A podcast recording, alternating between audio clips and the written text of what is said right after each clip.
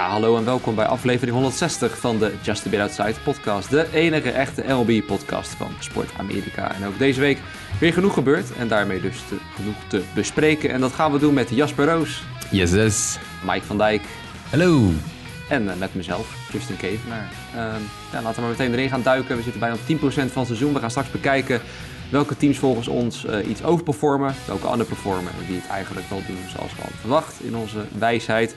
Maar eerst is het nieuws en ehm, nou, veel kleine dingetjes, wat contractverlengen. Maar laten we beginnen met expansion talks, Jasper.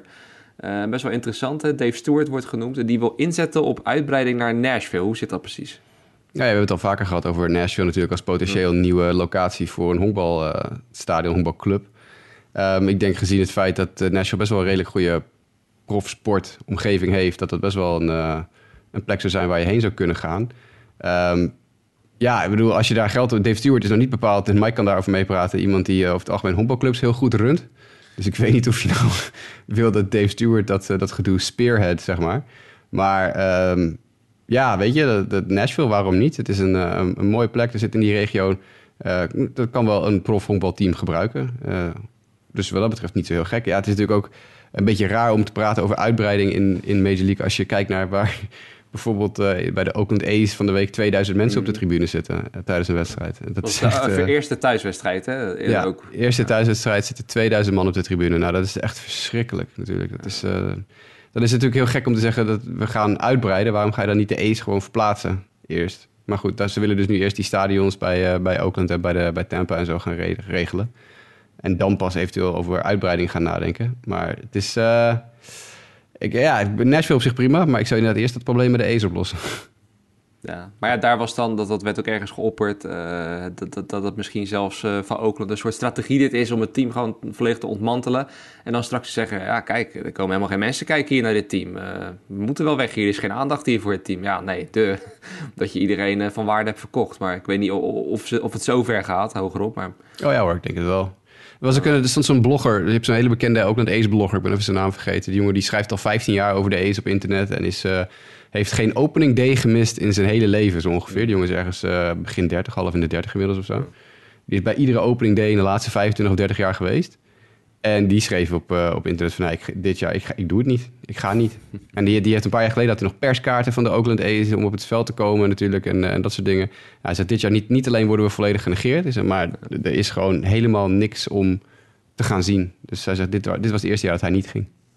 wel positive record, hè? Na 15 Ja, dus tenminste, ja. Zo, zo slecht ze- zijn ze niet gestart.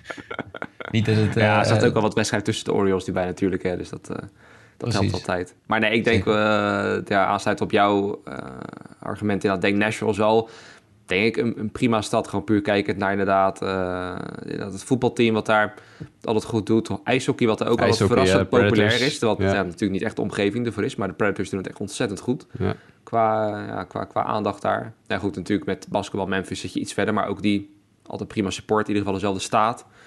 Dus Waar is zitten de Titans? Zitten de Titans ook in Nashville? Ja, dat zou ik dus even dat twijfelen. Ik dacht wel Nashville, ja. Ja, nou hier, Tennessee Titans in Nashville. Maar ja, dat moet, ja, dat is, Ja. is- ja volgens mij is Nashville. Ja, maar sowieso... Jij bent de NFL Ja, kennen nee, hier, zeker. eh, zeker. Ja, maar ik zat even te twijfelen dat het geen Memphis was, maar nee, dat is Nashville. Basketbal Ja. zit dus wel net in Memphis, eh, maar goed, wel dezelfde staat dan. En eh, ja, dat maakt het denk ik wel dat dit een staat is, in ieder geval een omgeving die dat wel gaat supporten. Ja, ook mits je wel. het niet zoals de Oakland A's aanpakt, maar... Volgens mij zit er ook minor league, hè? Ja, dat wil ik net checken inderdaad. Ja. zit er- ik dacht het wel. Ja, dat is in Memphis dan weer, geloof ik. De West Tennessee Diamond Jacks, geloof ik, zitten in Tennessee. Dat is dan geen Memphis, maar Nee, oké. even spieken hoor. Minor League. De Tennessee Smokies natuurlijk. Ah. De Nashville Sounds, jazeker. We hebben de Oh, Nashville Sounds. Ja, natuurlijk. ja, Ja, ja, ja. de Sounds zitten in Triple. A van de Cardinals, denk ik. Eh, broer, broers dit jaar, volgens mij. Dat komt weer mooi met mijn t-shirt van vandaag eh, overeen. Ja. En die hebben net gisteren dik gewonnen van Charlotte Knights, 12 tegen 2. Oké. Moeten we dan gelijk ook even de honorable mention doen bij de Rumble Ponies... dat ze rumbling waren afgelopen week. Dan hebben we dat ook gelijk afgedekt. Ja, dat mag jij doen. Je tekste dat ook naar ons, hè? Dus, eh, Ja, nee, precies. De Binghamton Rumble Ponies hadden een eh, flinke vechtpartij... met een eh double A-affiliate van volgens mij de Boston Red Sox, dacht ik.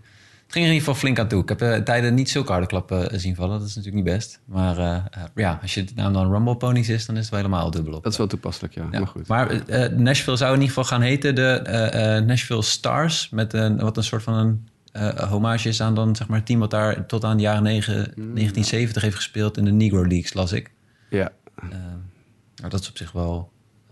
ja, volgens mij is dat die Stars-naam is al een tijdje gonst die al, hè? Dus, Ja, precies. En eh, ze zijn dus nu in ieder geval volgens mij een. eh, ja, hoe zeg je dat? Een bot of iets dergelijks aan het, aan het, aan het voorbereiden. Bij de, bij de Ace waren volgens mij de, eerste drie wedstrijden een negatief eh, attendance record sinds 1980. In totaal iets van 5000 mensen. En uiteindelijk heeft dat dan weer wel ervoor gezorgd, eh, eh, weinig eraan doen dat Montreal natuurlijk wegging.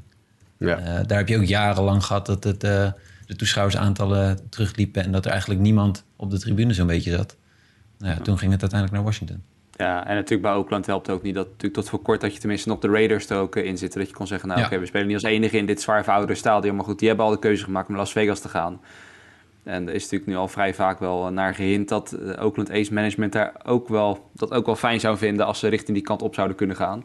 Dat Las Vegas natuurlijk ook wel een booming eh, ja, sportstad is met ook ijshockey nu daarheen gegaan en NFL daarheen gegaan. Maar ja, dat, eh, dat moeten we dan gaan volgen wat daarmee Maar wat zegt het dan ook in- over de, over de, de, de fanbase van, van de Athletics? Ik bedoel, ja, er komen weinig mensen naar de wedstrijd. Ik kan het ook wel ergens begrijpen, omdat inderdaad het weinig eh, attractief is wat er op het veld staat. Maar ja, ergens heb je dan toch ook van, als ik niet naar die wedstrijden ga, of in ieder geval een soort van je team blijft supporten eh, in attendance, dan, ja, dan heb je de kans dat het team ook gewoon weggaat. Is, hebben ze daar inmiddels al vrede mee of zo? Of denken ze... de- Nou, ik denk dat het ook. eh, Ik denk dat ze natuurlijk eh, heel negatieve ervaringen hebben gehad met de Oakland Raiders. De Raiders waren altijd, eh zaten altijd uitverkocht. Een heel loyale fanbase. En eh, die zijn natuurlijk ook vertrokken uiteindelijk. De A's hebben altijd een heel erg, eh, ik heb het even opgezocht in de tussentijd, heel erg eh, goed bezochte eh, fanbase gehad hoor. Ik zit even te spieken hier de laatste paar jaren. Ja, en ik vind het ook niet zo gek. Kijk, het is natuurlijk ook een zwaar verouderd stadion. En misschien als je dan ook... Ik ben niet helemaal bekend in die regio, maar... eh, ik toevallig deze zomer wel daarheen. En dan valt het je pas op als je naar die kaart kijkt... Hè, hoe dichtbij het ook bij de Giants ligt bijvoorbeeld. Hè, San Francisco. Ja, dan kan ik me voorstellen dat... Als je misschien niet zo'n diehard fan bent... dat je denkt van nou, ik ga naar de overkant toe. Daar heb je tenminste een iets leukere ervaring... als je naar een honkbalwedstrijdje toe gaat. En een wel beter product op het veld. Als we 2020 even weglaten vanwege de eh, pandemie, zitten ze in 2019, zeg maar tussen 2019 en 2010, dus de laatste 10 jaar daarvoor, op 1,6, 1,5, 1,5, 1,5, 1,7, 2 miljoen, 1,8, 1,6, 1,5, 1,5 miljoen bezoekers per jaar.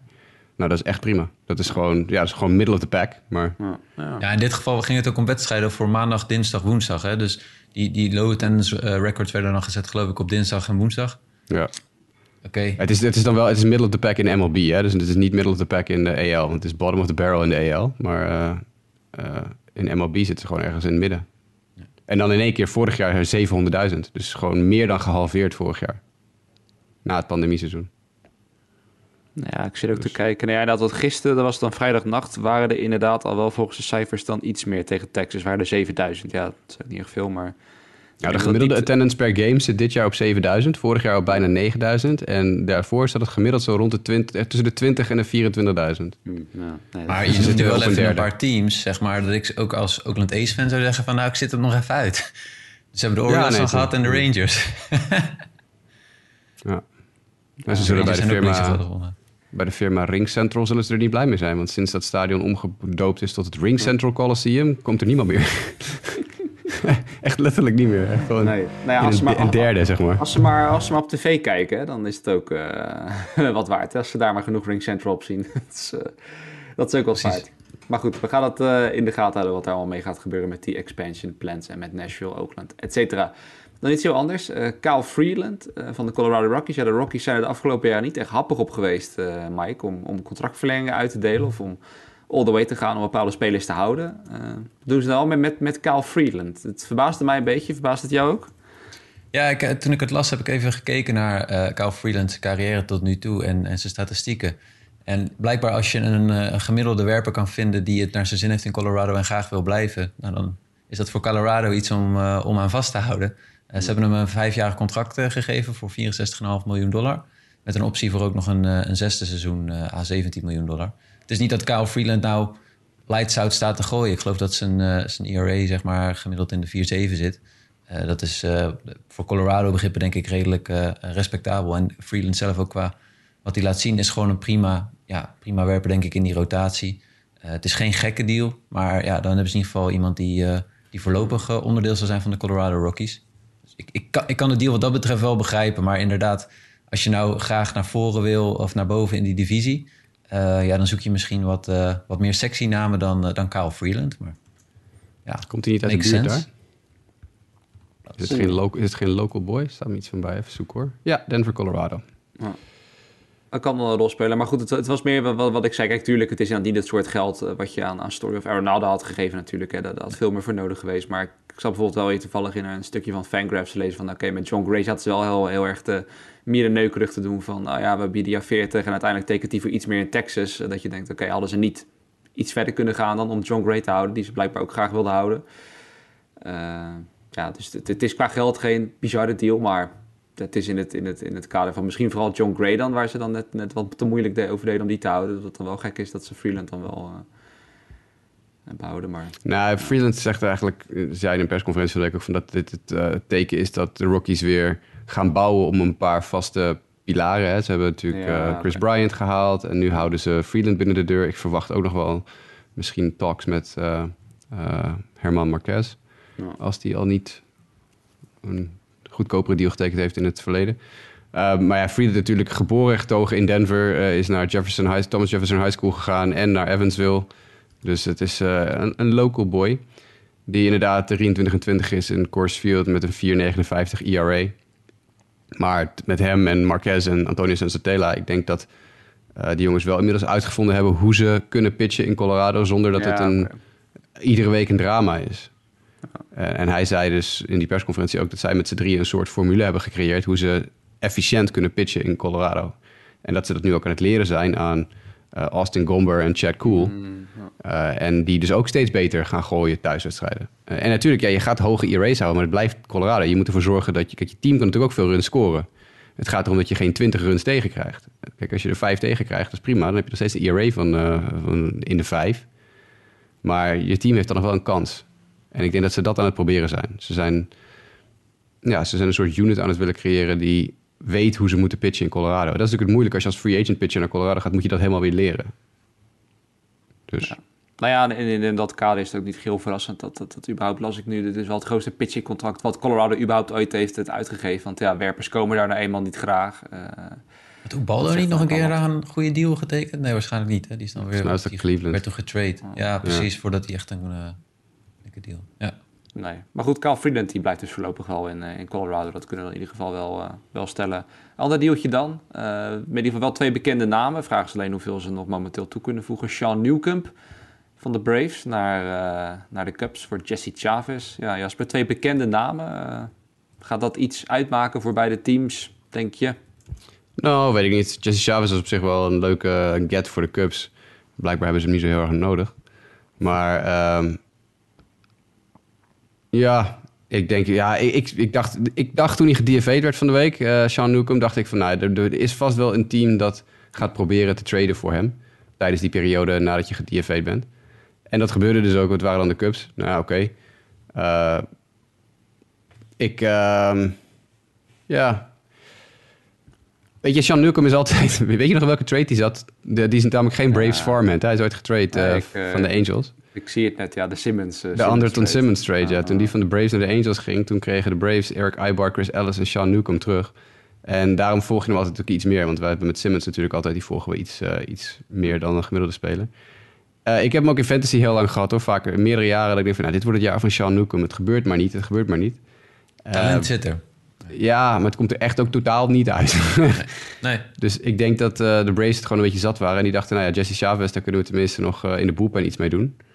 Maar ehm, ja, ik, ik vind het altijd jammer dat dat soort jongens die zo getalenteerd te boek staan, dat dat het niet uitkomt. Dus misschien kunnen de Cubs het eruit halen, maar ik betwijfel het. Nou, je dat één jaar zit te kijken, toen 2018, toen had hij nog soort van een eh, 30 stars, 3.9 ERA, dat je dacht van oké, dit gaat ergens naartoe groeien. Ja, en ja na kan geen de jaren gooien. daarna, eh, Ja. ja, jaren daarna ook, ook blessures geloof ik, eh, Mhm. ook onder andere minder starts, inderdaad weinig controle. En toen hij is eigenlijk vanaf 2020 bergafwaarts gegaan en is hij een reliever geworden. Dus ja, de kans dat het eruit gaat komen is klaar. Maar het is het misschien wel nog een proberen waard. 28 jaar.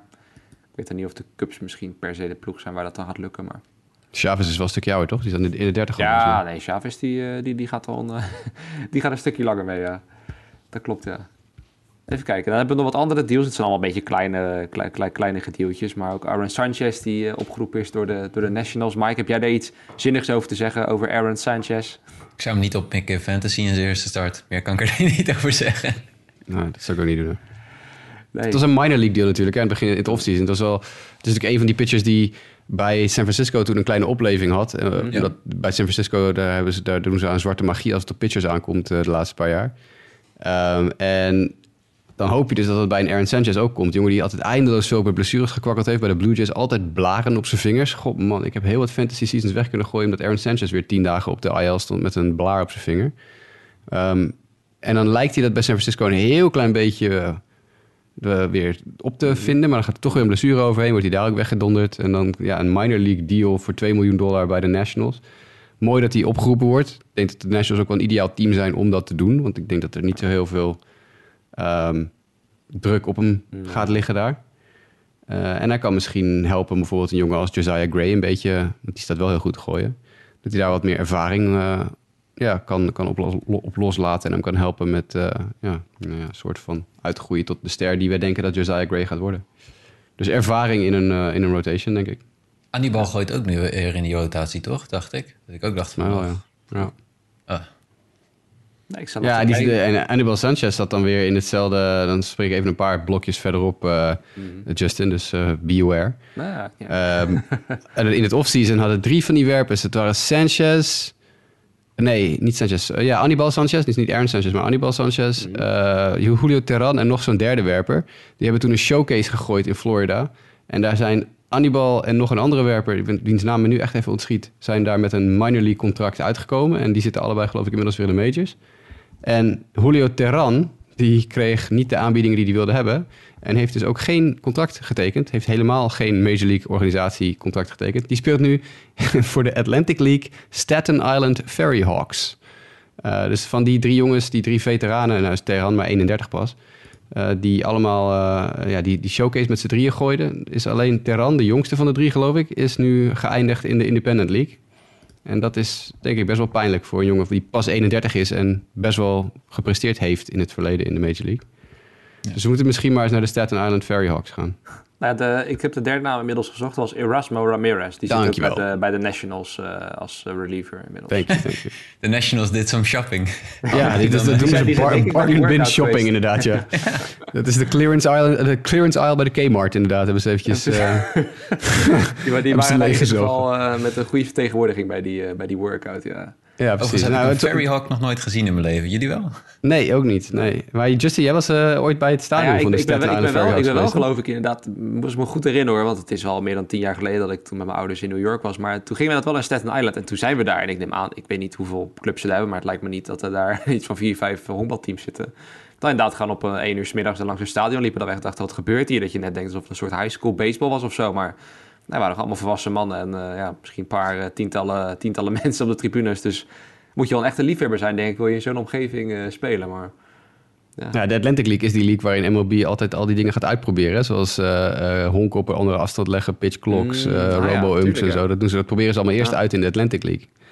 Dus misschien gaan we nu Julio Terran wel, nou ja, weet ik veel, op een nieuw soort pitch clock zien staan of zo. Gaat trouwens goed, hè, die pitch clock. We hebben niet op de outline staan, maar dat, in de minor league gaat het als een speer. Wedstrijden zijn gewoon een half uur, drie kwartier korter. Ik wil het zeggen, die tijden, dat verbaast ik me hoeveel dat gehaald hoor. Ja. Ik zat van de week een stukje minor league te kijken. Wat zat ik te kijken? Charlotte tegen... Uh, weet niet meer. En dat was net alsof ik in de jaren tachtig weer een wedstrijd zat te kijken. Pitcher, pitcher krijgt bal, pitcher gaat staan, pitcher gooit bal. Pitcher krijgt bal, pitcher gaat staan, pitcher gooit bal. Het was gewoon alsof er een ballenmachine stond. Ja, ja, ja. Dat was ah. fantastisch. Het gaat gewoon drie kwartier, half uur, drie kwartier per wedstrijd af.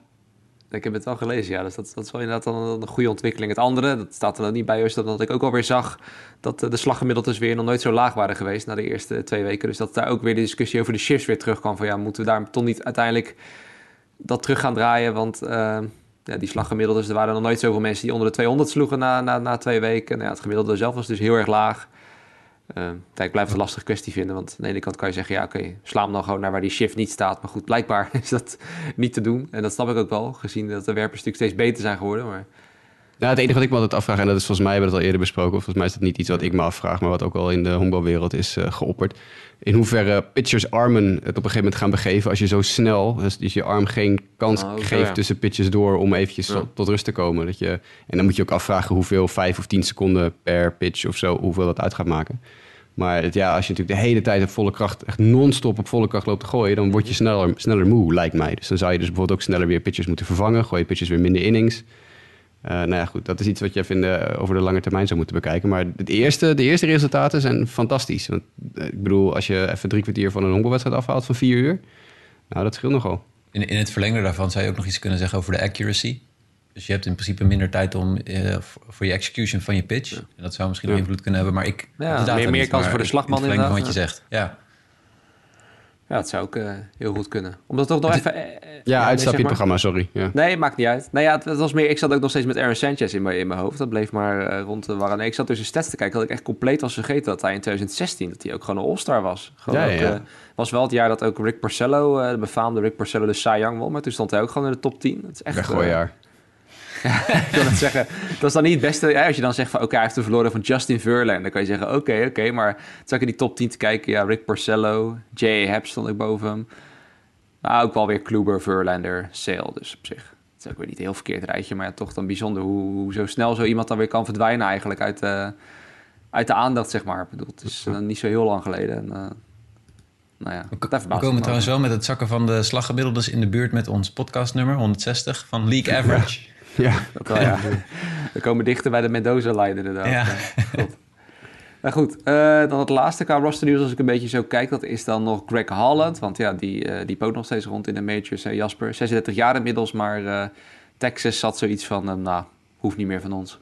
Nee, en dat snap ik ook wel een beetje. Heel veel voegde hij natuurlijk ook niet meer toe. En hij is inderdaad 36 en hij verdient een paar miljoen. En nou ja, goed. Ik vraag me enorm af of de carrière van onze goede vriend niet gewoon voorbij moet zijn. Ik bedoel, als je het ziet, het is in dezelfde week of dezelfde anderhalf week dat Jake Arrieta en Tony Watson met pensioen gaan. Dat zijn generatiegenoten van, eh, van Holland. Ja. Eh, ik, eh, ik denk op het moment dat je gedierveed wordt door de Texas Rangers, waar pitching nou niet bepaald aan de bomen groeit. En vervolgens word je ook nog niet door iemand opgepikt in de waiverperiode. Dus er is niemand die zo geïnteresseerd is in je dat ze nog bereid zijn om een klein tradeje voor je te maken of zo. Zoals dus bij Newcomb is gebeurd met, voor Jesse Chavez. Dus ja, dan ben je nu een free agent op je 36e. Eh, en dan komt er al heel weinig meer uit je arm. Nou ja, ik weet, misschien moet je op een gegeven moment denken... hey, weet je, ik heb eh, miljoenen verdiend. Het is mooi geweest. Ja. Eh, en net als Jake Arrieta en Tony Watson dan afscheid nemen. Maar ja. Nou ja, het is met Holland natuurlijk ook na zijn 30ste ook nooit meer echt. Hij had toen natuurlijk zijn- zijn grote succesperiode bij de Royals natuurlijk. Toen was hij wat jonger.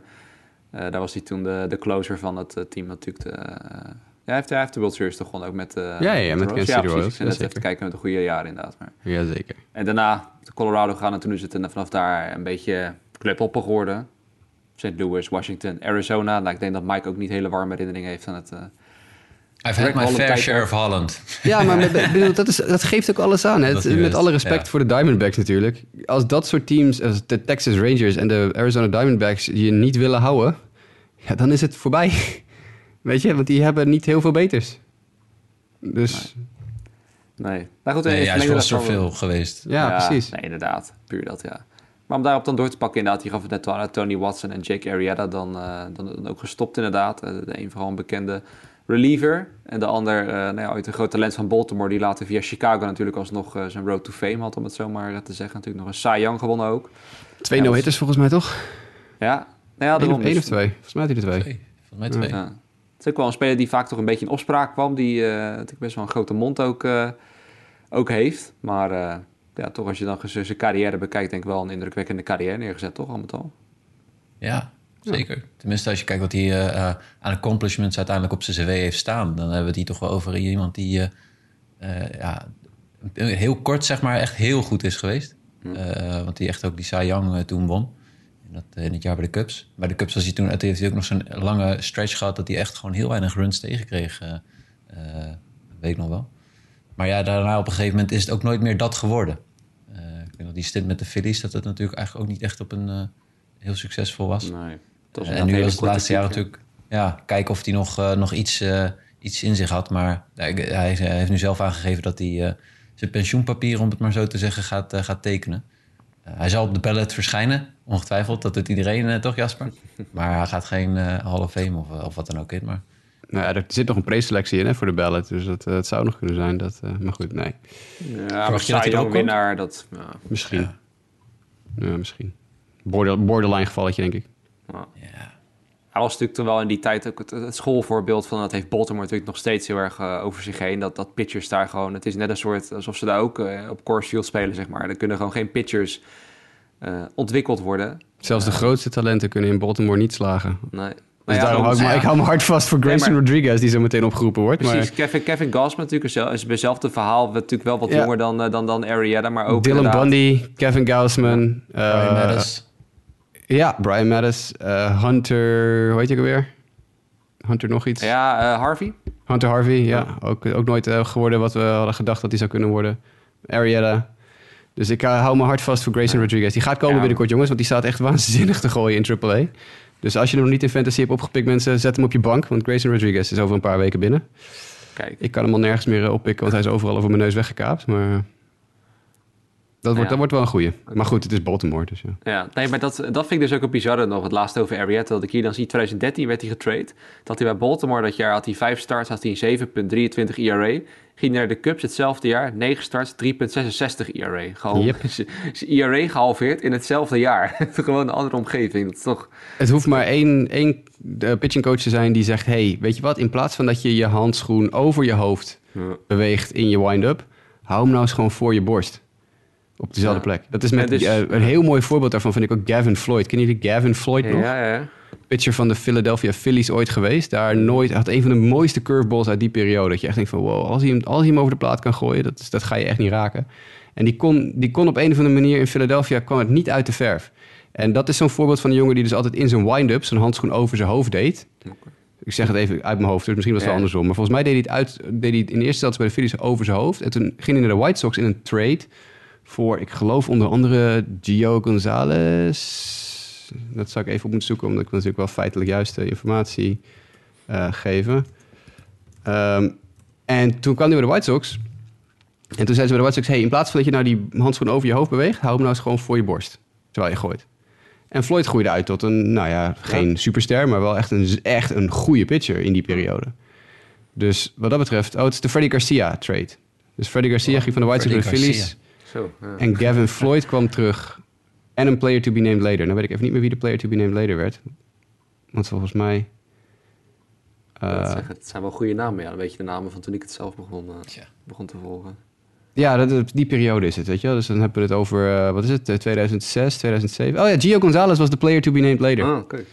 Dat was het, ja. Dus de White Sox hadden eerst al Gonzalez volgens mij naar de Phillies getraind voor Jim Thome. Mhm. En toen hebben ze later Gio Gonzalez weer teruggehaald in ruil voor Freddie Garcia en Gavin Floyd. En later dus weer Gio Gonzalez weggetraind voor Nick Swisher, geloof ik. Ehm, maar ja, dat is dus een mooi voorbeeld van een, een Jake Arrieta-achtige speler... die dus in een nieuwe omgeving komt... waar ze gewoon zeggen, je moet één klein dingetje veranderen in je, in je gooibeweging... en uiteindelijk uitgroeit tot een heel erg nuttige pitcher. En toch ook nog wel, eh, nou ja, meerjarige contracten... 15,5 miljoen zie ik hier voor vier jaar en zo eh, tekenen. Dus Nee, maar zeker. Maar dat is wel het fascinerende inderdaad. Hoe zulke kleine tweaks dan blijkbaar zo'n ja, gi- gigantisch veel verschil kunnen maken. Dat, eh nou ja, het geval van Kevin Floyd, dat je gewoon ineens een capabele, meer dan een capabele werper wordt. Dat je als Jake Arrieta ineens twee jaar later, eh, nadat je ERA's boven de 7 hebt, ineens een Cy Young winnaar bent. Dat, is wel echt fascinerend dan, zeg maar. Hoe iets kleins dan allicht zo'n groot verschil kan maken in het, in het honkbal. Dat is wel echt... eh, Ja, ik wil nog even het cirkeltje heel mooi rondmaken, want ik zit even Gavin Floyd's Wikipedia-pagina door te kijken. In 2016 tekende hij een, 1 miljoen, een contract voor één jaar en 1 miljoen bij de Toronto Blue Jays en moest toen in spring training knokken voor een plek in de rotation met Aaron Sanchez Nou, kijk. en, en Jesse Chavez. Nou, Kijk. de cirkel is rond. Alle twee de jongens Dat zijn genoemd. meteen alle, alle namen, ja. dat, eh, Ja. Ik zal te kijken, dat... eh, ja. Hij verloor uiteindelijk van Aaron Sanchez. Floyd is toen in de Ah, bullpen gezet. Nou ja, dat was dus inderdaad het goede jaar van, eh, van Aaron. Sanchez. Dus begrijpelijk. Nou ja, de andere naam die we dan even hadden, wat, misschien wat onbekender voor bepaalde mensen. Maar Tony Watson, eh, ja, een eh, lefty reliever die toch altijd wel eh, bij de Pirates in de succesjaren toen een belangrijke rol vervulde in die bullpen. Had hij ook zijn beste jaren, denk ik. Maar later toch altijd nog een ja, belangrijke piece geweest. Ook hier, het, het is geen toekomstige Hall of Fame, maar elf jaar gespeeld. Altijd prima gedaan en... Ja. ergens misschien iets wat verrassend ook, dat niemand hem blijkbaar een goed genoeg contract aanbood. Of in ieder geval iets zei van, joh, laten we nog een jaar proberen. Maar ja, elf jaar in de majors, dan uh, wil je misschien ook wat andere dingen gaan doen. Hè? Precies. Nou, dan gaan we door. Uh, ja, Trevor Bauer, dat was ik inderdaad nog helemaal, uh, helemaal vergeten. Want die zaak, die, ja, die hangt daar nog steeds. En zijn administrative leave, Jasper, is dus verlengd. dat, ja, überhaupt, ik dacht tot een tijd terug, dat gaat toch helemaal niet gebeuren dat hij überhaupt terug gaat komen. Maar is er nog überhaupt een kans dat we hem terug gaan zien dit jaar, denk jij? Er is, al, er is altijd een kans. Ja. So you're saying there's a chance. Ja, nee, er is altijd een kans. Ja, Toen ik het van de week las, ik was hem eigenlijk alweer lang vergeten. Ik dacht, oh ja, dat heb je natuurlijk ook nog steeds, die hele situatie. Maar... Ik begrijp de situatie niet zo goed meer, als ik eerlijk oh. ben. Hij is gewoon vrijgesproken, toch? Of in ieder geval de rechtszaak is hij, niet, hij heeft in ieder geval niet verloren. Nee. Dus, bedoel... ik, waarom, wat, waar ik, ik heb een beetje hetzelfde als jij. Uh, ik, de, iedere keer wordt het weer verlengd. Uh, de administrative leave. Terwijl je eigenlijk verwacht, nou, inmiddels moet MLB toch wel de investigation aan hun zijde toch ook een keer afgerond hebben? Of wat, wat, wat, is, wat kost hun zoveel ik tijd? Denk, ik denk dat dat wel klaar is. Weet je wat ik stiekem denk? Uh, dat dit de LA Dodgers ook een beetje... Dat de Dodgers zoiets hebben, weet je wat? We moeten hem hoe dan ook betalen. Want volgens mij is administrative leave is gewoon mm doorbetaald worden, dacht ik. Uh, dus of hij nou op de heuvel staat of dat hij uh, administrative leave is, moet hem sowieso betalen. En we willen die hele clusterfuck gewoon niet dat we moeten dealen met de negatieve pers dat hij ons, bij ons op de heuvel staat. Dus we gaan net zo lang dat administrative leave laten verlengen totdat zijn contract voorbij is. En dat is volgens mij eind dit jaar. Want het was een tweejarige deal volgens mij. Dus dan, zou, dan zouden ze hem tot het einde van dit jaar gewoon op administrative leave houden. Dan hoeven de, hoeven de Dodgers niet met die mediastorm te dealen als hij weer terugkomt. van, oh, wat ben je nou voor club als je dit soort jongens de, de, de, gelegenheid geeft om, om te gooien, bla bla, dit, dat, zo, zo. Uh, en dan kan hij aan het eind van het jaar kan hij een nieuwe club uitzoeken. En dan denken de Dodgers mooi, nou de club die hem nu tekent kan met die mediastorm gaan dealen. En dan hoeven wij het niet te doen. Nou ja, dat lees ik ook hier inderdaad bij de, bij de Los Angeles Times. Dan dat de verwachting van insiders inderdaad is dat, dat de Dodgers hem liever uh, kwijt inderdaad uh, zijn. En dat ze niet geloven dat Power hoe dan ook gaat spelen voor de Dodgers. Ik, ik vind het eigenlijk een hele rare. Want ik bedoel, in dit geval zou hij het dan aan kunnen vechten van... hé, hey, waarom mag ik nog steeds niet spelen? En aan de andere kant, als dat je, als dat je punt is Waarom zeg je dan niet gewoon als MLB, hè, het onderzoek is afgerond en Dodgers, uh, prima, uh, hier heb je het geld en uh, per vandaag beëindigen we je contract? Nou, dat kan niet. Oké. Alle twee die dingen kunnen niet. Ik bedoel, ten eerste kan Bauer dit niet aanvechten. Je kan het administrative leave niet aanvechten. Dus mhm. dat is dingetje één dat niet kan. Hij moet gewoon zitten in zijn bek houden en het ondergaan. En, uh, en ten tweede, ze kunnen niet zomaar eenzijdig zijn contract ontbinden. Want het, is, hij is nergens. kijk, als je iemand vermoordt, dan, dan doorbreek je een clausule in je contract. Maar hij is gewoon vrijgesproken. Ze kunnen dus een contract niet, onder, niet verbreken voor het feit dat hij in, voor de letter van de wet niks fout heeft gedaan. Maar dus kan toch een overleg treden dat je zegt van ja, als, als Dodgers willen wij hier niet meer. Uh, maar waarom uh, zou Bauer zeggen, ja, is goed, we onderbreken mijn contract en jullie hoeven me niet meer te betalen? Bauer krijgt gewoon 40 nee, miljoen Dodgers dit jaar. Ja, nee, precies. Nee, maar dat je hem dus gewoon betaalt en dan uh, dat je er vanaf bent. Een oprotpremie. Ja. Ja, ik weet niet of Bauer daar heel, veel, heel erg op zit te wachten. Dat weet ik eigenlijk niet. Dat, uh, Maar het, ja, in principe kan hij, kan niet, hij kan het niet aanvechten en ze kunnen het niet eenzijdig. Uh, nee, maar ik bedoel vooral eerst inderdaad niet zozeer eenzijdig, maar proberen het uh, in ieder geval te beëindigen en desnoods al dat geld afschrijven. Doen ze ergens anders in LA een stuk makkelijker. Ja. maar weet je wat, wat, eigenlijk heb je dan ook als Dodgers in dat geval, ja, goede pers wil ik niet zeggen, maar je geeft dan ook gewoon duidelijk signaal af van ja, weet je, uh, wat ons betreft is dit not done en, uh, klaar daarmee. Ja, en toch denk ik, dat er te weinig. Kijk, wij zijn natuurlijk, wij, volgen dit en we zien die headline, we gaan weer over zitten praten in de podcast. Oh, zijn administrative leave is weer verlengd. Maar dit is ook gewoon een headline waar 90% van de honkbalfans die kijken er niet eens naar, die gaan gewoon door. Die zijn al vergeten dat Trevor Bauer er überhaupt nog is. Dus iedere keer dit stilzwijgend verlengen van de administrative leave is eigenlijk misschien, denk ik, de minst shitstorm, mediastorm-achtige manier om het te doen. Want niemand stelt nu eigenlijk de vragen die wij stellen in de podcast van waarom doe je niet dit, waarom doe je niet dat, waarom zou je dus niet zo doen, waarom zou het zo zijn. Terwijl op het moment dat je natuurlijk in de media komt met... oké, we hebben besloten om Trevor Bauer's contracten uh, van twee kanten te, te, doorbreken. We geven hem al zijn geld en hij gaat weg. Ja, dan krijg je weer dat het heel groot in de media komt. Ik denk dat dit hoe langer je er als Dodgers mee wacht, hoe, langer, hoe dichter je op de playoffs en in de race gaat zitten en dat soort zaken. Dus ik, maar goed, we wachten het gewoon af. Ja, we, hebben vorig jaar ook eh, niet echt gezien. Tijdens de playoffs race hebben we echt niet zo heel veel over, uh, over Bauer gepraat. Zullen we hem uit onze uh, uit onze outline schappen voorlopig. Tot het moment dat er anders nieuws is dan. Ja, dat, is misschien best een goed idee. Ja. de ja. verlengd wordt. Dan zitten we inderdaad eind april, dan zitten we weer inderdaad. Uh, dat wordt weer verlengd tot eind 29 april, ja, inderdaad. Het is ook telkens zo'n klein stukje. Ik snap niet. Ja. We doen gewoon met een maand of zo, maar het is telkens met een week. We verlengen het met een week. Ja, dat schiet niet op. Nee. Bijzonder. Uh, dan nog iets anders, uh, wat actuele dingen die van de week waren gebeurd, was natuurlijk vooral uh, de Tyler Stevens en Luke Voigt collision, Mike. nou, voor mensen die het niet hebben gezien, nou ja, google gewoon even Stevenson Void Collision. Uh, ik moest het ook even doen, ik had het van de week gemist namelijk. Maar uh, ja, uiteindelijk wel, wel gek, want ik zat net te lezen dus in die wedstrijd. Het werd niet uiteindelijk als een illegal slide gezien, maar ja, als we de beelden zien, Voigt komt er wel redelijk... Uh, ja. hij komt er wel hard in en Stevenson voelt dat ook wel. Precies, uh, Luke Voigt uh, round het derde honk en gaat vol speed op zijn manier richting de thuisplaat in een rechte lijn. En Stevenson krijgt eigenlijk de bal net een beetje aan de buitenkant, probeert dan voor hem te komen. Maar ja, Voigt zit op zo'n sneltreinvaart dat hij eigenlijk niet echt meer hem kan ontwijken. Als je iets atletischer bent, wellicht wel. Maar hij zit redelijk. En hij, hij zet de sliding in om, uh, om te scoren. En steekt daarbij zijn handen voor zich. Jij zegt ook het. het ja, is een beetje hij deed, het soort naar, naar beneden slaan. Alsof. Ja. ja. Een soort ja. met twee handen of zo. Ja, en, uh, en Stevenson krijgt hem eigenlijk dan dus uh, vol in zijn ja, voorkant van zijn lichaam, gezicht, die, die slijt op zich.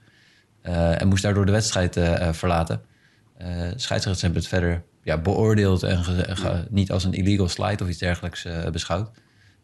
Maar de, de, ja, met name de spelers aan de red-zijde waren hier toch wel niet van gecharmeerd. En Tommy Pham heeft zich het meest vocaal uitgelaten dat hij zei van... nou ja, we hebben nog wel wat... Tenminste, als hij, als hij wil, dan hebben we nog wel wat te regelen, zeg maar.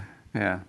Ja, de exacte phrase, phrase, niet, maar misschien dat jij hem toevallig nog... Nou ja, dat hij inderdaad, hij, nou ja, als ik het een beetje maar zal vertalen... hij gaf middag maar aan dat hij een soort van een, blijkbaar iemand kent die een sportschool heeft of zo... of iets, in ieder geval ergens waar ze vechtsport beoefenen... en dat hij wel graag Muay Thai eh, zou willen doen tegen Luke Voigt. Dat uh, ja, ging dan wel heel, heel erg ver, maar... Ja, Sander, of, Sander Jasper gaf natuurlijk net vanaf aan de show aan... misschien dat er nog een beetje bad blood zit. Tommy Pham, die bij de Power Race nog recentelijk heeft gezeten... Ja dat hij uh, nou ja, misschien nog wat opgekropte woede uh, erin heeft zitten en denkt van nou, dat wil ik wel graag botvieren op, op Luke Voigt. Ja. ja. Nee, dat klopt. En Tommy Pham had toch ook een vechtpartij in de offseason? Dat was neergestoken of zo, toch? In San Diego? in een bepaalde stripclub of iets dergelijks. Ja, ja zoiets. Ja.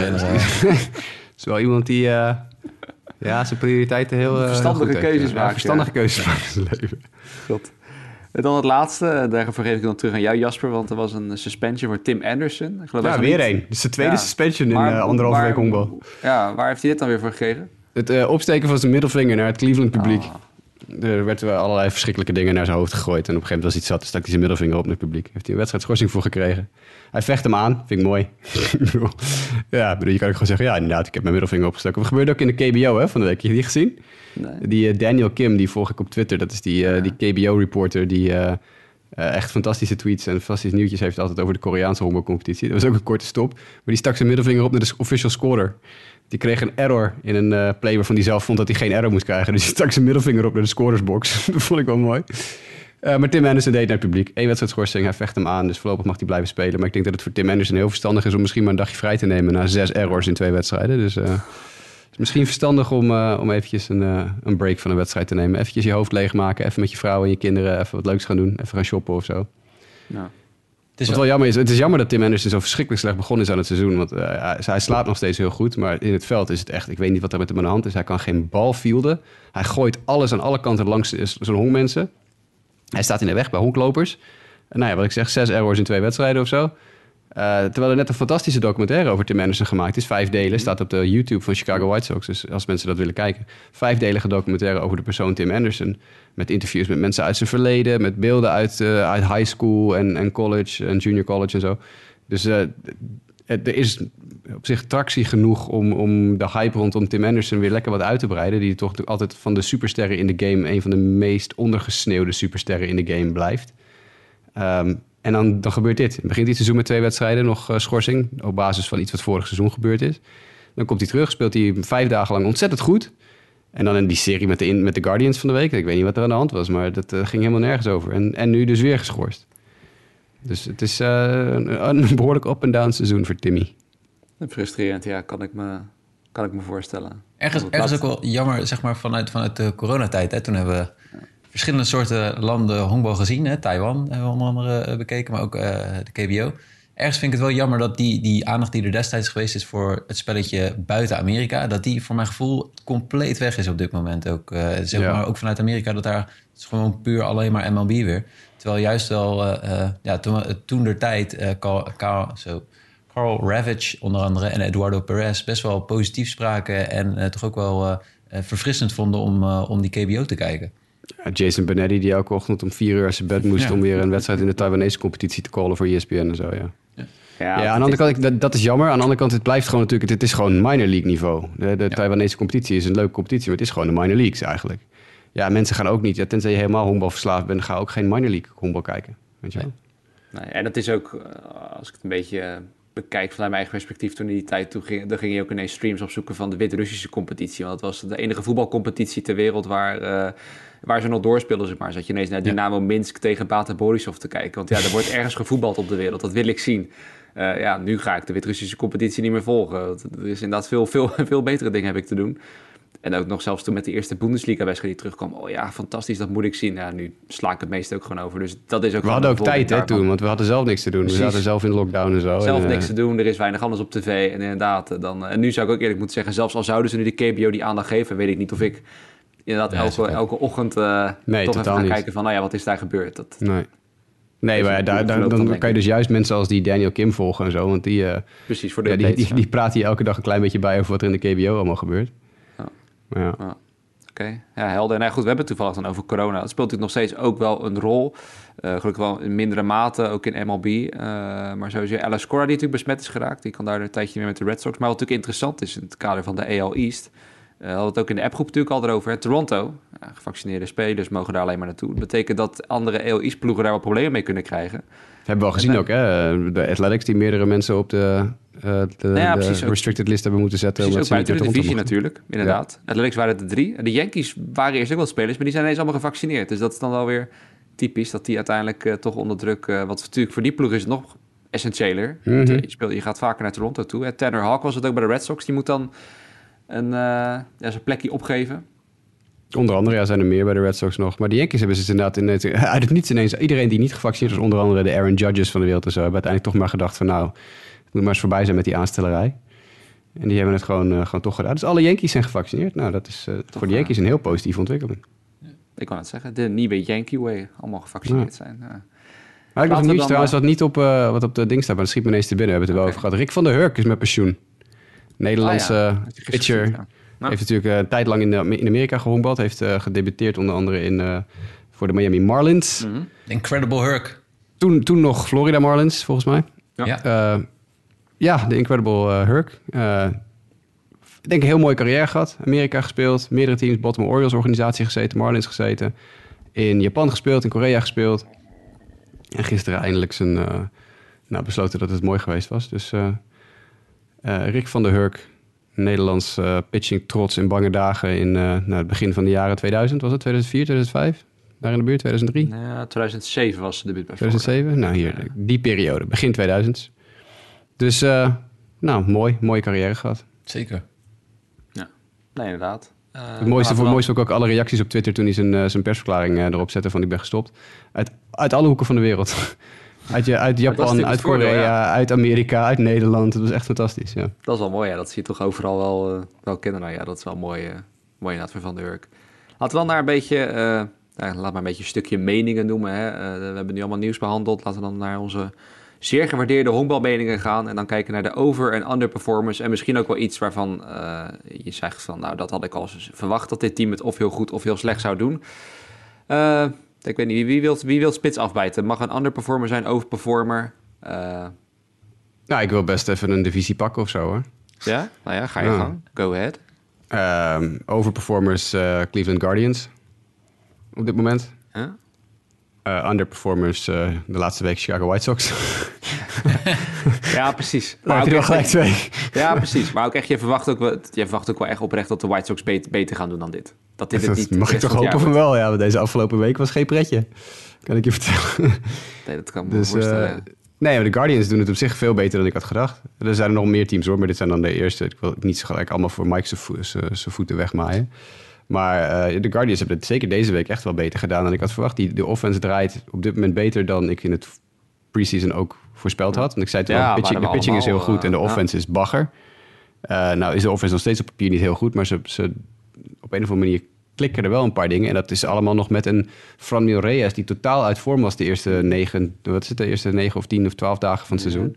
Die raakt En die weinig, net, ja, die net toevallig in de laatste twee, drie dagen weer wat homeruns gaat slaan. Ja. Dus als Franmil Reyes op begint te warmen en de rest van het team blijft slaan zoals ze op dit moment doen, dan, eh, ja hoor, dat, dan doen de Guardians het beduidend beter dan ik had gedacht. En de White Sox hebben de afgelopen week echt eh, de ene wanprestatie aan de andere gekoppeld in de serie tegen toevallig de Guardians. Dus eh, die zijn underperformen. Nou ja, en ook een paar eh, inderdaad wat, wat onbekende. We hebben natuurlijk al v- vorige keer hebben jullie het geloof ik ook gehad over die Steven Kwan inderdaad, hè, die het dan ineens heel, Ja. erg, eh, heel erg goed doet. Eh, nu toevallig Owen, eh, Owen Miller, die dan nu op de injured list was staan, maar die begon ook ineens heel erg goed. Covid-list. Covid-list. Of oh, COVID-list, kijk. Ja. Duidelijk. Daar ben ik geen injury eh, update expert. Hè? Nee. Maar inderdaad, het ook wel onbekende namen die klikken. En dan doen ze toch genoeg om in ieder geval nu eh, ja, als enige in de divisie eh positief run differential te hebben. Ja, ik zit, eh Mike, heb jij... eh, ik zit Ja, ondertussen ik heb, ik heb wel Dat lastig tenminste een aantal teams die... Maar, ja, hoe, hoe kunnen we het niet hebben over Texas? Hebben we vorige week ook al gezegd. Maar Texas met zoveel eh, eh, investeringen en eh, Mhm. nieuwe spelers. eh 4 en 9. Het is gewoon best wel pover. Eh, Dus ik, ik ben benieuwd hoe ze daar de komende weken ingaan. Ik geloof dat John Gray nu ook geblesseerd is geraakt. Dus dat helpt ook niet mee. Eh, dus daar, daar- die vielen mij in ieder geval op. Andere Houston, Houston ook, zelfde divisie hè? Houston Ja. staat ook niet goed te omwallen. Ja, en eh, eh, Jasper zei vorige week ook... Er zijn heel veel teams die nog eigenlijk wel rond dat 500 zitten. Dus net de wedstrijd erboven of net eronder. Dus het is allemaal eh, redelijk in evenwicht. Maar er zijn een paar teams waar je toch wel zorgen over maakt. De Cincinnati Reds, ik had er niks van verwacht voor het seizoen. Maar ze zijn niet zo slecht als dat ze nu maar- laten zien. Hè? Ze hebben echt een, een heel zwaar programma ook gehad. Eh, eh, ze hebben geloof ik achtereenvolgens eh de Braves gehad. eh, de Dodgers en de Padres. Ik zeg niet dat het een goed team is. Gaat Ook echt geen play-offs halen. Maar ze zijn niet 2-12. Eh, dus Tien op rij eh, verloren hè? Ja, ja, Tien op Ja. rij verloren. ja. Nee, dus, dat... dat nogmaals, de, de Padres zijn echt een goed team. En de Dodgers ook. Dus die, daar kan je gewoon in één keer... nou, je alles hoeft te verliezen, is een ander verhaal. En wat, wat, is, wat is jullie gevoel bij, bij de, de Mets? De Mets hebben wel Nou, dat- makkelijke ja. tegenstanders ook gehad. Hè? De pitching Ja, is echt precies. heel goed. Dat Echt is, dat is een overperformer. Die zijn niet, die, die wel zijn niet zo goed zijn, als ze nu zijn. Nee, Die hebben geen winstpercentage van 7,33 aan het eind van het jaar. Ik zou het graag willen zeggen dat het wel zo is, maar dat gaat inderdaad niet gebeuren. Want dan ga, Nee. je het ook weer meer mensen geblesseerd raken en zo. Maar buiten dat om is dit... Het ziet er wel goed uit. En volgens dat wel, mij ja, kijk, het biedt hebben ze veel ook perspectief. een heel makkelijk schema nog wat er aankomt. Starling, Starling Marte is echt ook aan slag. Top. In het veld ietsje... eh eh, is wat last met de zon eh, de laatste, laatste weken. Maar eh, met name die pitching Bassett echt super eh, eh, goed gestart. Carrasco ziet er echt in de la- laatste twee starts die ik heb gezien... heel scherp uit. Eh, dus het is echt wel... die- laat ik zo zeggen, ze verrassen me positief. Ik had niet gedacht dat ze eh, eh, zo goed voor de dag zouden komen. Nou, ze Ja, krijgen nog de Diamondbacks twee keer. Dus Nou, eh, hier, het is, eh dat is, dat is gewonnen. niet, niet heel ingewikkeld. Dan krijgen ze die andere overperformer in de Cardinals. Want die zijn, ook, die zijn ook beter te spelen, denk ik, dan ze zijn. Dan krijgen ze de Phillies, die zijn niet zo sterk begonnen. En dan Braves, Phillies. Dus dat is wel een leuk, dat is een leuk Ja, stukje. dat wordt Dat- een dat- leuke, maar daar kan je wel duidelijker... eh, ja, dat is de litmus-test. Vanaf april, eh, 25 april. Dan krijgen ze Cardinals, Phillies, Braves, Phillies. Dat is denk ik een goede test. Als ze daar goed doorheen komen, dan moeten we, denk ik, eh, mijn mening over dat, het, dat ze te overperformen zijn, moet maar even bijgesteld worden. Want als ze daar doorheen komen, dan hebben ze het goed gedaan. En daarna Ja, krijgen ze, eh, ja, dan is het een beetje golf. Nationals, Mariners, Cardinals, Rockies, Giants, Phillies, Nationals. Dus dat is dan, dat, dan is het moeilijke serie op, moeilijke serie af. Een makkelijke serie af, zeg maar. Gisteren ze wel maar- een blown save, dus ik weet niet... nee. Ja, Dalton Varsho, hè? Yeah, baby. Ja. Eindelijk. Eindelijk. Nee, maar het verlengde daarvan verwacht ik wel dat, eh, dat de Braves en de Phillies ook wel... Die zitten nu inderdaad net onder 500, maar die gaan ook wel meer omhoog kijken. Vooral de Phillies, daar waren wij denk allemaal wel, als ik me goed herinner, best wel enthousiast over. Eh, het is dan toch... Gek genoeg ook een beetje de starting pitching die dan... eh, kijk, de, relieving, de relievers, dat wisten we al dat dat natuurlijk up en down gaat worden. En dat gaat af en toe wat, eh, wat hoofdpijn opleveren. Maar eh, bijvoorbeeld de closer, Corey Knebel, doet het dan wel gewoon prima. Maar de starting pitching eigenlijk op Kyle Gibson na... eh ja, heeft het nog niet allemaal. Zack Wheeler ook helemaal niet zo... Eigenlijk niet goed gewoon. Eigenlijk, het begin van het seizoen. Aaron Nola is oké. Zach Eflin, moi. Ranger Suarez had ook nog niet echt die goede vorm vorig jaar. Dus is wel de pitching die het eigenlijk uh, teleurstelt. Wat ik wel leuk vond was ook gisteren dan weer alles wel gewonnen. En dat Alec Baum, daar hebben we het geloof ik ook in de preview een beetje over gehad. Van, uh, wie gaat dan een beetje op zich nemen? Wordt dat die onbekende Bryson Stad die ineens ook erbij zat? Maar nu heeft Alec Baum ineens weer toch iets gevonden. Eh, wat was het? 2020 toen hij debuteerde, meen ik uit mijn hoofd. Mij ook inderdaad. Het COVID-seizoen had hij in één keer eh, qua, Ja. qua, qua... Toen deed hij het goed. En nu, eh, hij heeft, ja, hij heeft wel een bizar hoog slaggemiddelde die ook, wat waarschijnlijk onhoudbaar is. Ik geloof dat gaat bijna richting de 500. Maar tot nu toe bijna alles wat hij ziet raakt hij. Eh, wat er ook de Phillies er wel toe dwingt om in de line-up te gooien. Ja. Eh, dus dat vind ik dan wel leuk om te zien. En ik denk dat die wel dichterbij gaan kruipen. De Braves zien er ook nog steeds prima uit. Met Kyle Wright had het voor de show over. Zo. Zo'n pitcher die het ineens dan toch heeft gevonden na jaren van... Hè, want de Braves hadden toen een hele collectie aan werpers. Jong, talentvol. Wie gaat het doorbreken? Nou, de een verloopt het wel beter dan bij de ander. Maar Kyle Wright die heeft nu wel... eh, die, heeft, die heeft iets ontdekt, zullen we maar Ja, dat gaat, dat gaat heel goed, ja. Ja, dus dat die is, zo lekker eh, ook. hè. Die jongen die is een hoge draftpick geweest, maar je hoort er heel weinig over in de jaren. Er wordt Ja. echt heel weinig nationale aandacht aan zo'n gast besteed. Geef hem maar gewoon even de tijd om gewoon even zijn plekje te vinden. Weet je, zijn plekje in een rotation te vinden, zijn plekje in de majors te vinden. Dat, eh, ja, dat is heel goed gegaan. Die jongen die doet het hartstikke goed. Nee, dus erop. Dus wat dat betreft, over die top van die divisie is, is het laatst nog niet gezegd. En dat gat tussen de Mets en de, en de Braves en Phillies, dat zal denk ik... Nu is het natuurlijk ook maar 4, 4,5 wedstrijd. Maar over, zo, over 160 plus wedstrijden gaat dat verschil niet zo blijven. Dat gaat, eh. Die gaan elkaar nog wel eh, veel... eh, Ik hoop dat Milwaukee ook een beetje maken. bijtrekt weer nog. Want het, Ja. ik vind het best knap dat ze boven bij 500 staan te spelen, want zo goed zijn ze niet bezig. Maar die offense, als die even warm draait, de Jelletje is nog steeds... eh, de dag geloof ik nadat ik in de vorige podcast zei dat hij kapot was, sloeg hij een home run. maar dat is ook geloof ik de enige, de enige actie die hij de laatste week gedaan Ja. heeft. Dus het is, het is voor, voor Milwaukee, ik vind het knap dat ze 7 en 3 zijn over hun laatste 10.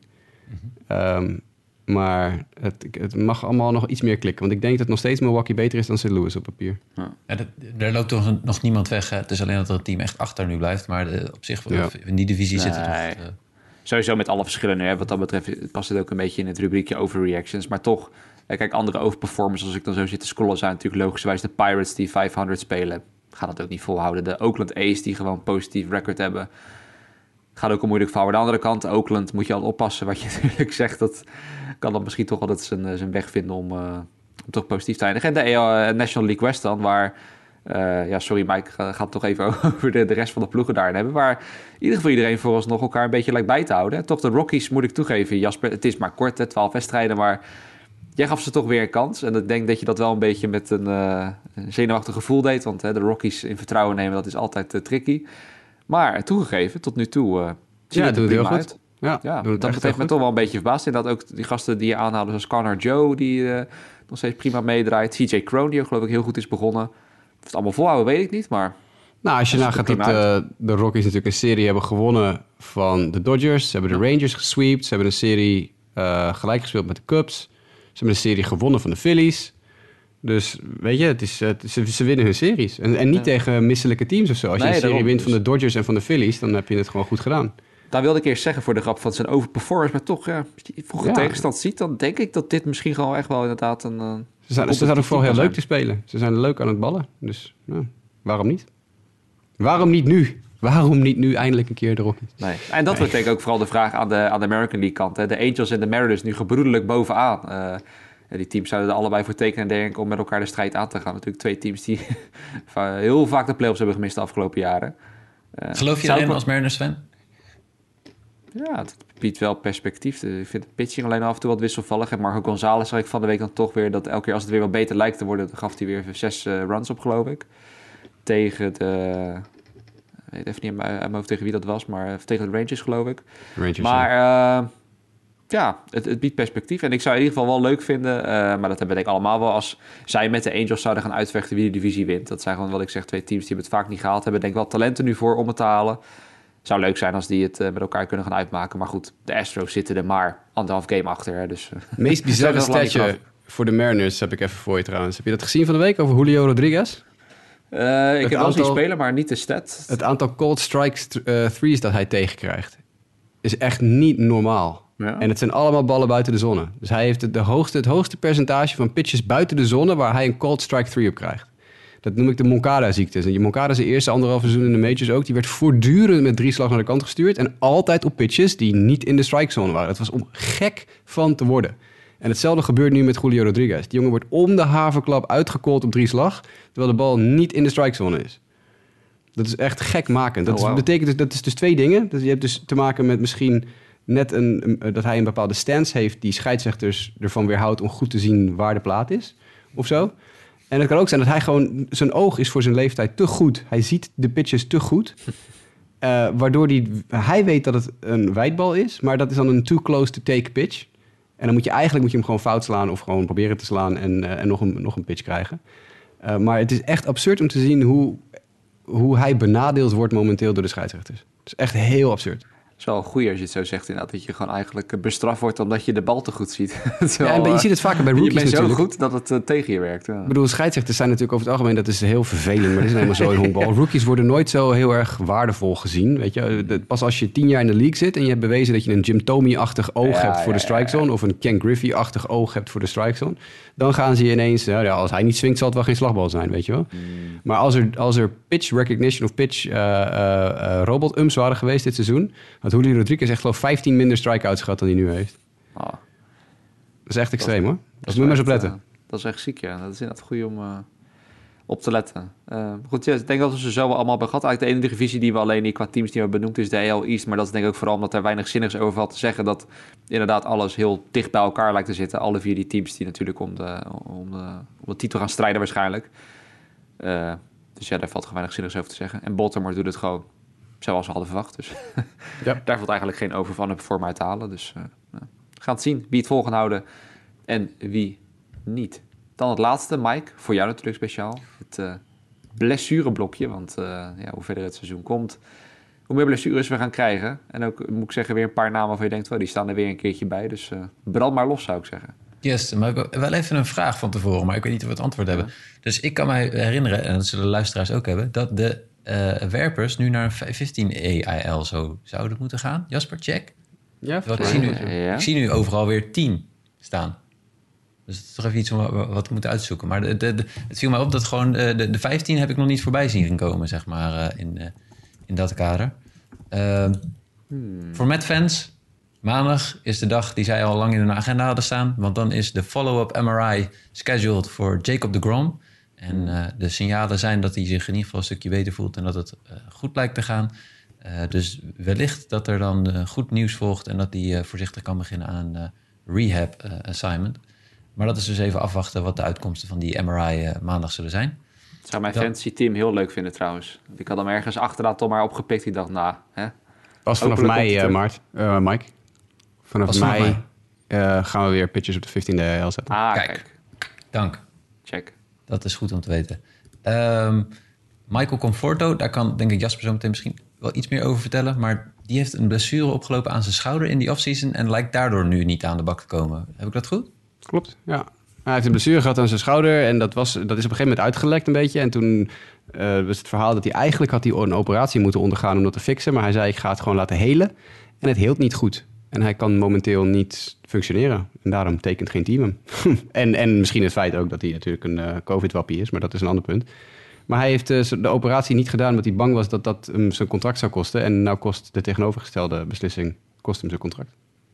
Ik zag trouwens wel dat de Long Island Ducks die hadden interesse getoond in Michael Conforto. Ik weet niet of Ah. dat echt een goed teken voor hem is. Maar... Komt hij dan tegen eh die Julio Denk- Teheran te staan? Ja, dat is wel de Atlantic League. Ja, nou, en het is tegen Long tegen- Island tegen Staten Island. Met, met dunkt, ja. Ehm, verder hebben we nog eh, de Sclevani van de Giants. Die heeft een enkelblessure, of in ieder geval ontstoken enkel. Eh, die, 10 day, die staat op de 10-day IL. Ook staat op de 10-day IL John Gray, de werper die we ook eerder hadden besproken van de Texas Rangers. Die heeft een MCL-sprain in zijn knie, dus een bandje. Eh, Jose Altuve is deze week de IL opgegaan met een hamstringblessure. Bij de Dodgers zijn werpers Blake Trennen en Andrew Heaney aan de kant voor 10 dagen, want die hebben schouderklachten. Eh, Alex Cobb, ook bij de Giants, heeft eh, last van zijn rechter adductoren. En Clint Frazier van de Chicago Cubs heeft een blinde darmontsteking. Dus die staat ook op de 10-day IL. En last but not least... Ja, Ja? ga door. Ga door. Nee, Last but not least, Casey Mize, de werper van de Detroit Tigers, heeft een MCL-sprain. En staat ook op de 10-day IL. Jonathan India volgens mij ook nog steeds, toch? Was ja, dat- nog steeds. Ja, die is eh, met terugwerkende kracht op IL gezet. Ja. Eh, ik kan je nog sterker vertellen, eh, Justin. De Long Island Ducks en de Staten Island Ferry Hawks zitten in dezelfde divisie Mm. Nou ja, dat is ook zelfs. gek. Dus als Michael Conforto bij de Long Island Ducks zou tekenen... zou die inderdaad tegenover Julio Teheran komen. Ze staan overigens met z'n tweeën onderaan, de Ducks en de Ferry Hawks. De Ferry Hawks hebben alles verloren en ook de Ducks... maar die hebben minder wedstrijden gespeeld. Nou, daarom willen ze hem graag hebben. Die kunnen de versterking natuurlijk wel gebruiken. Ja, precies. Ja, de, de, de York Revolution staat momenteel bovenaan in de Atlantic League, mocht je dat willen weten, in de North Division. Ja, overperformers. Als je het mij vraagt op basis van de eerste Ja. wedstrijden. York, Ja. het nooit volhouden. York, York heeft namelijk, eh, ik kan je precies vertellen waarom ze bovenaan staan. Ze zijn 1 en 0 dit seizoen. Oh, Kijk, Dan is het iets minder goed dan de Charleston Dirty Birds, die de South Division van de Atlantic League aanvoeren. Die hebben twee wedstrijden gewonnen, 0 verloren. Jezus, Dit zijn ook wel weer mooie namen hoor. Dit weer, eh, Zie ik hier de, de Lancaster Barnstormers, zie ik hier. de Gastonia Honey Hunters. Fuck? Ja, dit is mooi. De Kentucky Wild, Wild Health Genomes.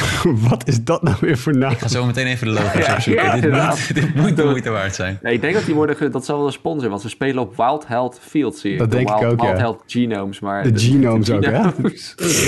oh my god. Heel raar, ja. Ja, dat Ja, is dit echt gaan, we, dit gaan we straks even uitzoeken. Ja, ik zal alle Ja. luisteraars ook even inderdaad. eh zoek even de Wikipedia of iets op van Atlantic League. En, eh, Ze hebben een website, atlanticleague.com. oh, kijk, dat ook. De Charleston Dirty Birds, ja. Die hebben een mooi logo, jongen, de Charleston Dirty Birds. Echt Ja, fantastisch. dat is al Ja. een goede... Het is echt wel een Dirty Bird.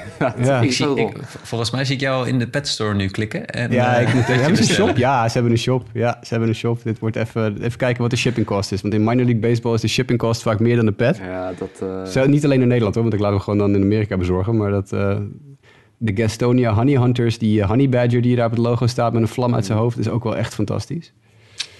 Dus eh, ja, ik ga even shoppen, Mike. Dat heb je Ik zit ook nog te kijken op een paar bekenden. Ik zie dat bij de High Point Rockers hebben we Logan Morrison dan ook. Zie ik even Oh. snel. Dus ik nog even snel te, scrollen wie we daar... eh, wie, bij de Wild Health Genomes, wie zit daar? Eh, hopelijk zit daar een bekend iemand. Eh je mooi, mooi is Sierra, zeg maar wat. Ik had wel... Ja, de- mooi Sierra, ja zeker. Van Ja, ex-White Sox, ex-Royals. Jimmy Paredes. Ja, heb ik ook nog gehad. kijk, bij, bij, bij- die zijn genomes. Ze verkopen dus geen petten van de club. Ze verkopen alleen petten met het Atlantic League logo erop. Dit is echt weer een dikke teleurstelling dit. Ja, inderdaad, Teheran bij de, bij de Ferry Hawks met Dilson Herrera. In het kader van Independent League Baseball hadden we natuurlijk ook Jake Peavy... die bij de Savannah Bananas afgelopen week nog eh, met zijn gold Ja. glove stond te werpen. In de Ah, zijkende regen. Heb je die gezien met die eh, van een paar dagen later bij de, bij de Bananas? Die eh, gozer met die hele rare broek aan, die stond te pitchen. En die vervangen werd door zijn vrouw. Toen kwam zijn Nee. vrouw van de tribune. die kwam naar de heuvel lopen en die gaf eh, de man een kus. En die ging vervolgens gooien en hij ging catchen. dus gooide wel een strike-out meteen Mooi, natuurlijk, slagman. Dus dat was wel mooi. Ik moet wel zeggen, ik, respect voor hoe ze ook steeds weten te blijven vernieuwen, zeg maar, ook bij de Bananas. Op een gegeven moment denk je van, je hebt toch alles gezien, maar toch zie je daar iedere keer weer nieuwe dingen. Ik heb nog nooit iemand met een gold glove ook zien werpen. Eh, ik heb inmiddels achterhaald hoe ik een pet van de Gastonia Honey Hunters kan bestellen. Dus eh, Ja, ik, zie- ik zat verder tot slot nog de laatste bekende naam. Ik zie dat Matt Letos voor de Blue Crabs pitcht. ja, dat, dat wist ik gek genoeg. Want hij speelt hij al volgens mij een paar jaar. Nou, dat zou dan goed kunnen, ja. En ik zie bij de Long Island Ducks dan nog, ik zie Devin Marrero, De Reds zouden hem nog wel kunnen gebruiken hoor, met Leto's. Sam Travis, allebei ex-Red Sox, meen ik. Ja, nou, interessant. Ja, misschien... Nou, eh, misschien moeten we een keer een toertje doen. We moeten even gewoon lekker een, eh, een, een toertje Atlantic League doen. Want het ligt allemaal op rijafstand zo ongeveer van elkaar. hè. Ik geloof Gastonia is Carolina, volgens mij. Ja, Dus de- als je, de- ik heb hier dat kaartje voor me inderdaad. Het, is, eh, het gaat inderdaad van het zuiden. hebben je Gastonia, North Carolina, dat is het meest zuidelijke. Nou, Ja. dan gaat het naar Lexington, Kentucky aan de, aan de westkant. En dan helemaal inderdaad richting het eh, oosten naar de Long Island eh, Ducks en de Ferry Hawks. Kan je Ja, je kan er inderdaad een soort... Het is mooi, mooi verdeeld wel in de. North Division en de South Division. North Division is allemaal in de buurt van New York. En de South Division is allemaal Kentucky, Carolina. Ja. Nou, dat in Pennsylvania dan ook nog eh, Ja. zit er dan tussen. Barnstormers. Ja. Oh, dit ga ik een keer doen, jongens. Ik ga een keer Ja. een, is Atlantic League reisje maken. En er komt, er komt ook nog Hagerstown bij, maar die hebben nog geen naam. Hagerstown, Maryland komt er nog bij. Die zaten voorheen in de minor league, Hagerstown. Klopt, ja. Ja. ja. Nou ja, mooie nou, dit is toch een mooi einde van deze aflevering. Dat we toch Zeker. eventjes de Atlantic League hebben doorgenomen. Ja, zeker. Nou, tot, wat ik trouwens wel toe wilde voegen, want ik zag dat Andrew Heaney er ook tussen staan, dat dat alweer eh eh, ja, pijnlijk zou zijn voor die jongen. Want die pitchte een hele goede wedstrijd, meen ik me te herinneren. Ik zat even snel opzoeken. Ja, hij was heel goed Eh, bezig. Zeven Ja, innings was mij tegen de Reds scoreless. zie ik inderdaad. Had hij inderdaad eh, zes innings, elf strikeouts. Het typisch gevalletje van eh, komt bij het juiste team en heeft ineens iets ontdekt, eh, denk je dan. Maar het is te hopen voor hem dat dit dan niet heel, eh, heel serieus is. En dat zou Maar zowel eh, Heaney als Trainen, schouderklachten, Ja, Dodgers, we kennen ze, AL, ik weet het niet. Ja. Ik vind het lastig in te schatten. ja oké. Maar goed, het zou wel in ieder geval eh, het stopen voor hem dat het niet erg is. En voor de Dodgers fans, want eh, ja, ze gaan hem eh, nodig hebben in deze vorm.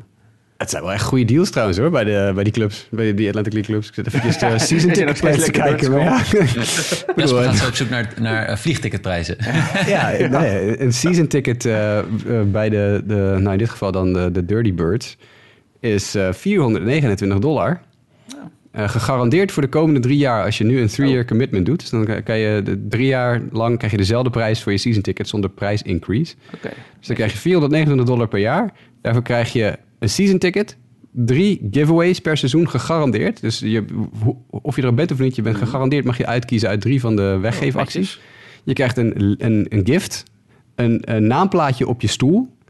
Eh 50 dollar food and beverage booklet. Dus nou ja, goed, daar ben je in één avond al doorheen als je een biertje van 12 dollar moet bestellen. Maar goed, dat is een ander verhaal. Personal storage, dus je krijgt je eigen kluisje waar je shit in kwijt kan. 10% korting in de teamstore gedurende de lengte van je contract met de club. En playoff tickets. Nou, dit is echt een waanzinnig goede Ik deal. kan het zeggen, daar krijg je echt nog veel extra's bij. Ja. Ja, nou, dat zou ik En zo... hoeveel ik zo- thuiswedstrijden zijn het ongeveer dan? Dat is goede 60 vraag. denk ik dan. Zo, het schedule van de, de, de- het schedule van de Dirty Birds is een eh, JPEG, dus die moet ik even op. Independent League. Hè. Dat, Ja, de Independent League loopt gewoon tot eind september. Loopt gewoon van Ah, april tot september. Dus we 3, 6, Dat moet je 9... 50 zijn denk ik, 60. Ja, dat zijn, dat zijn er wel flink wat, ja. Kijk. Ja, dat is goed Ja, dit, dit is echt een goede, goede deal. Nou ja, volgende, keer, volgende podcast wordt mede mogelijk gemaakt door Wild Health. En dan eh, doen we het vanuit Ja. de Wild Health eh, Stadium, waar de Genomes dan eh, hun eh, in-stadium eh, rivalry hebben afgewerkt tegen de Lexington Legends. De Dirty Birds spelen in Appalachian Power Park. Wat dan wel weer mooi is. nou ja. Oh, en de, dus ze hebben een mascotte die net een naam heeft gekregen. De Bird, de Bird heeft 8 april eindelijk een naam gekregen. The fans have spoken. The Charleston Dirty Bird has been named Dusty. Dusty de Dusty Dirty Bird. Dusty Ah, the ja. Dirty Bird, ja. Jongens, dit is, dit is waarom honkbal zo mooi is, man. Dit zijn, Goed. wel de, dit zijn wel de mooie dingen inderdaad van het, Yes. van honkbal. Maar goed, inderdaad, laten we daar in een andere podcast misschien ooit over... ja, laten we een keer een speciale Atlantic League podcast aan over, eh, o- over, over uitweiden inderdaad. En, eh, nou ja, ik zou zeggen, luisteraars, laat het weten als je er vooral in, geïnteresseerd bent. Maar goed, voor nu, Mike, Jasper, hartstikke bedankt. Natuurlijk jullie luisteraars ook bedankt. En eh, graag tot de volgende week met mogelijk meer eh, Atlantic League nieuws. Tot dan.